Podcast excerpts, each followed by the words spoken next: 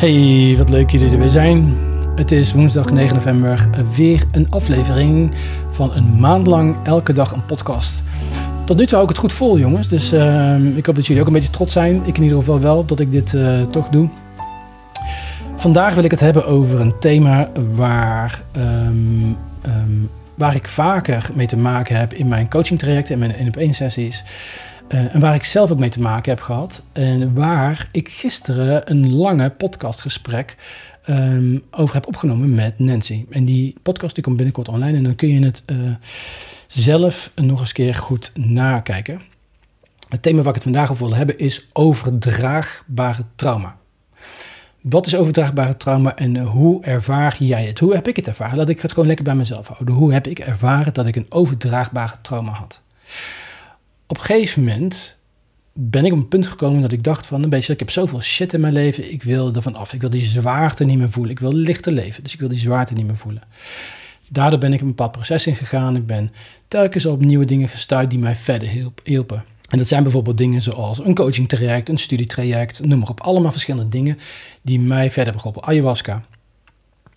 En tijdens het helingsproces, tijdens het proces van het aankijken van mijn eigen trauma en het doorvoelen van die pijn, voelde ik gewoon heel duidelijk. En eigenlijk herinnerde ik mij, realiseerde ik mij, dat ik heel mijn leven lang al een bepaalde zwaarte heb gevoeld, een bepaalde angst die niet helemaal van mij is. En nu begreep ik het pas in, die, in het proces. Nu zag ik pas dat het niet mijn trauma alleen is, maar dat het ook het trauma is van mijn vader en van mijn opa. En met name van mijn opa.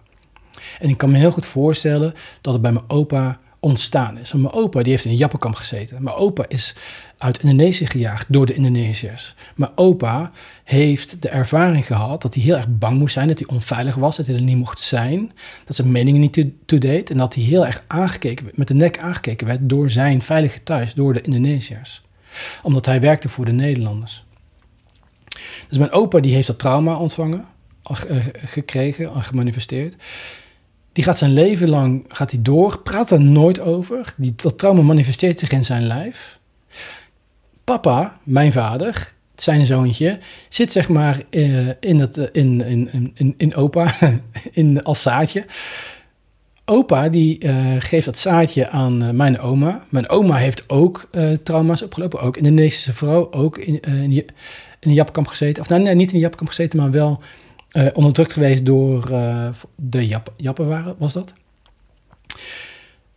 Eicelletje en zaadcelletje komen bij elkaar. Het trauma van opa en oma komen dan in uh, mijn vader. Mijn vader die komt dan het leven in vol ehm, pijn en verdriet. Reageert dat op mij af, slaat mij met hand en met riem, zet mij op straat. Um, mijn moeder die verlaat mij op tweejarige leeftijd. Mijn trauma is dus eigenlijk afkomstig van opa via papa en zit nu in mij. Mijn manifestatie van het trauma, mijn overtuiging is dus: ik ben onveilig, ik mag niet gezien worden, mijn mening doet er niet toe, uh, niemand wilt mij. Mijn veilige thuis is niet mijn veilige thuis, dat is dus mijn ervaring. En alles wat we van binnen overtuigd van zijn, drukken we uit in onze buitenwereld, manifesteren we in onze buitenwereld. Dus als ik dat trauma heb, druk ik dat uit in mijn buitenwereld, ervaar ik dus daadwerkelijk dat mijn vader me niet wilt, dat mijn moeder me niet wilt, dat ik onveilig ben, dat ik onderdrukt word en dat ik uh, geen thuis heb. Dat is mijn ervaring, want mijn overtuiging is dit, het trauma wat ik heb. Oké, ik ga dat helingsproces in. En op een gegeven moment kom ik er dus achter dat ik dus de zwaarte aan het dragen ben.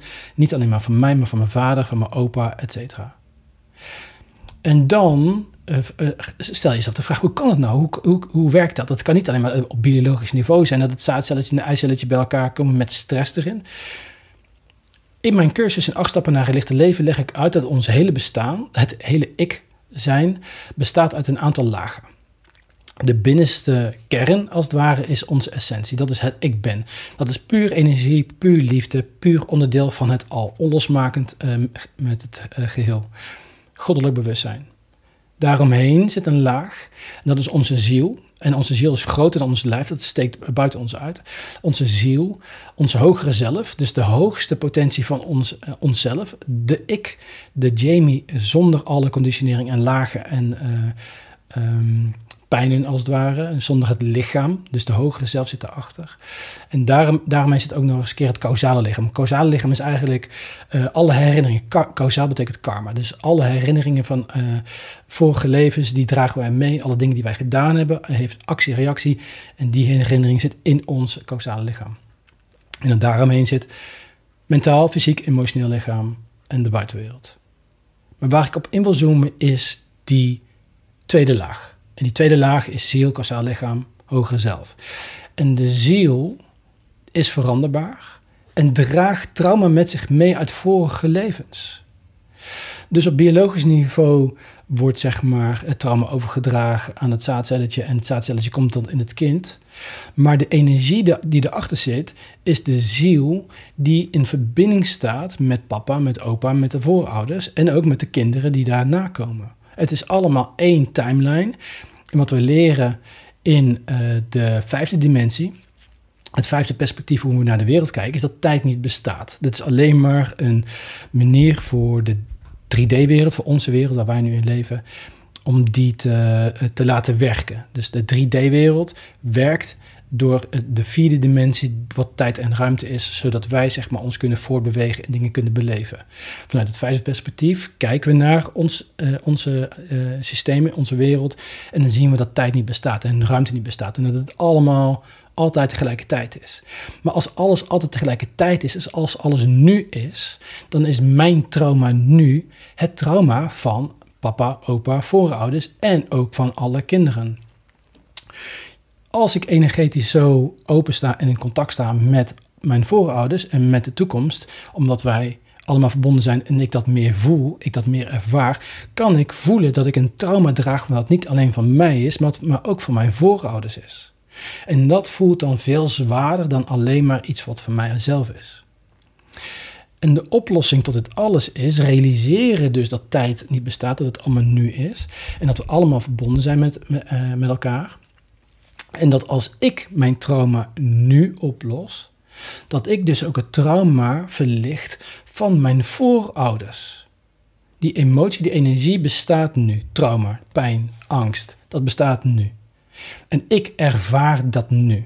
Als ziel heb ik het leven gekozen van Jamie om dit te ervaren. Om hier iets mee te doen, om dit te helen en om hieruit te groeien en om hier gewoon zo goed meester in te worden van dit concept dat ik het ook nog eens uit kan dragen aan mensen die hiermee dealen.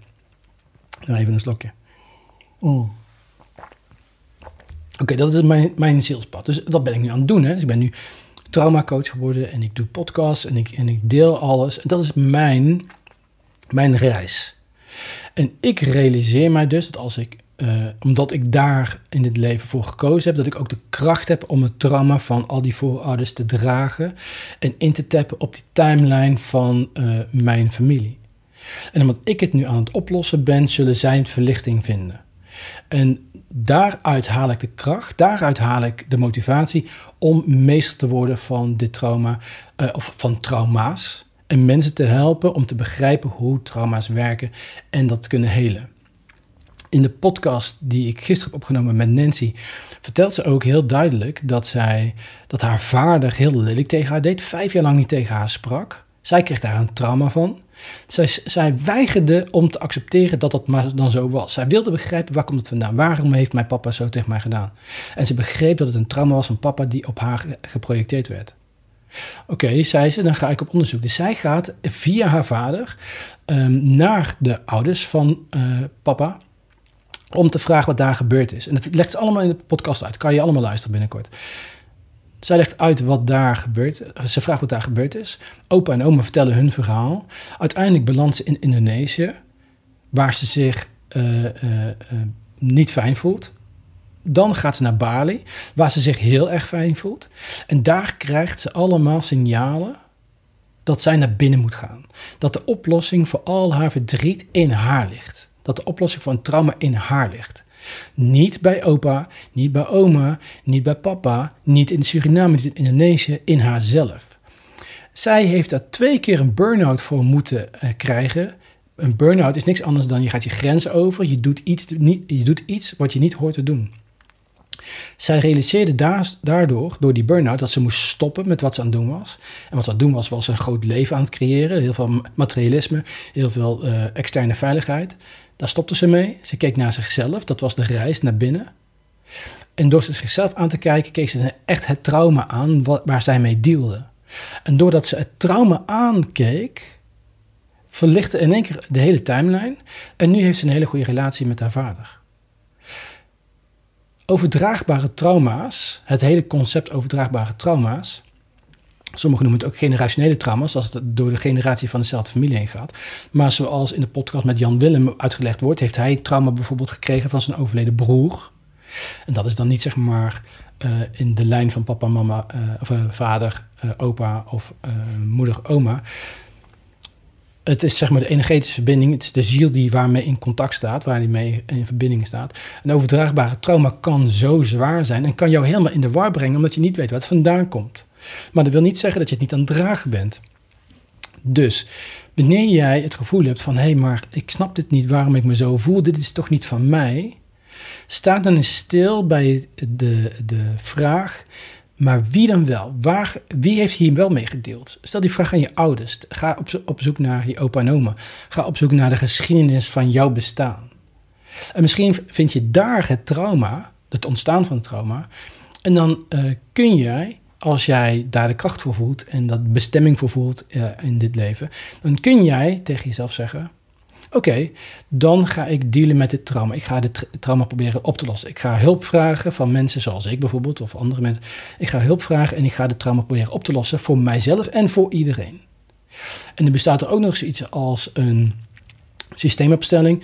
Dan ga je met z'n allen uh, in een groepje staan en dan uh, doe je net of dat opa is en dat oma en of dat uh, je mama. En dan zou je kunnen zeggen van dit trauma wil ik niet dragen, ik geef het terug aan je. En dan ontsla je jezelf van die taak. Dat is ook een manier van verlichting.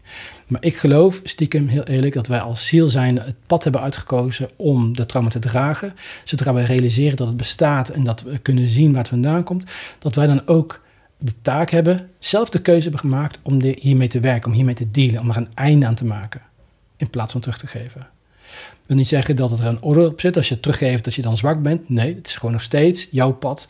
En jouw pad is precies waar je moet zijn. Maar ik zag bij mezelf, mm, oké, dit is mijn pad. Ik ga dit trauma uh, hiermee dealen. En ik ga proberen te helen, zo goed mogelijk te doorgronden. En ik ga het meester en in mijn kracht staan om andere mensen hiermee te helpen. Overdraagbaar trauma is niet een heel makkelijk concept, eventjes voor een tussendoor uh, podcastje. Um, als je hier meer over wil weten, je kan me altijd uh, bereiken via mijn Instagram. Uh, vind je in de informatie onder deze podcast. Of via mijn website vind je ook de informatie voor uh, onder uh, deze podcast. Um, voor nu, dank je voor het luisteren en tot morgen.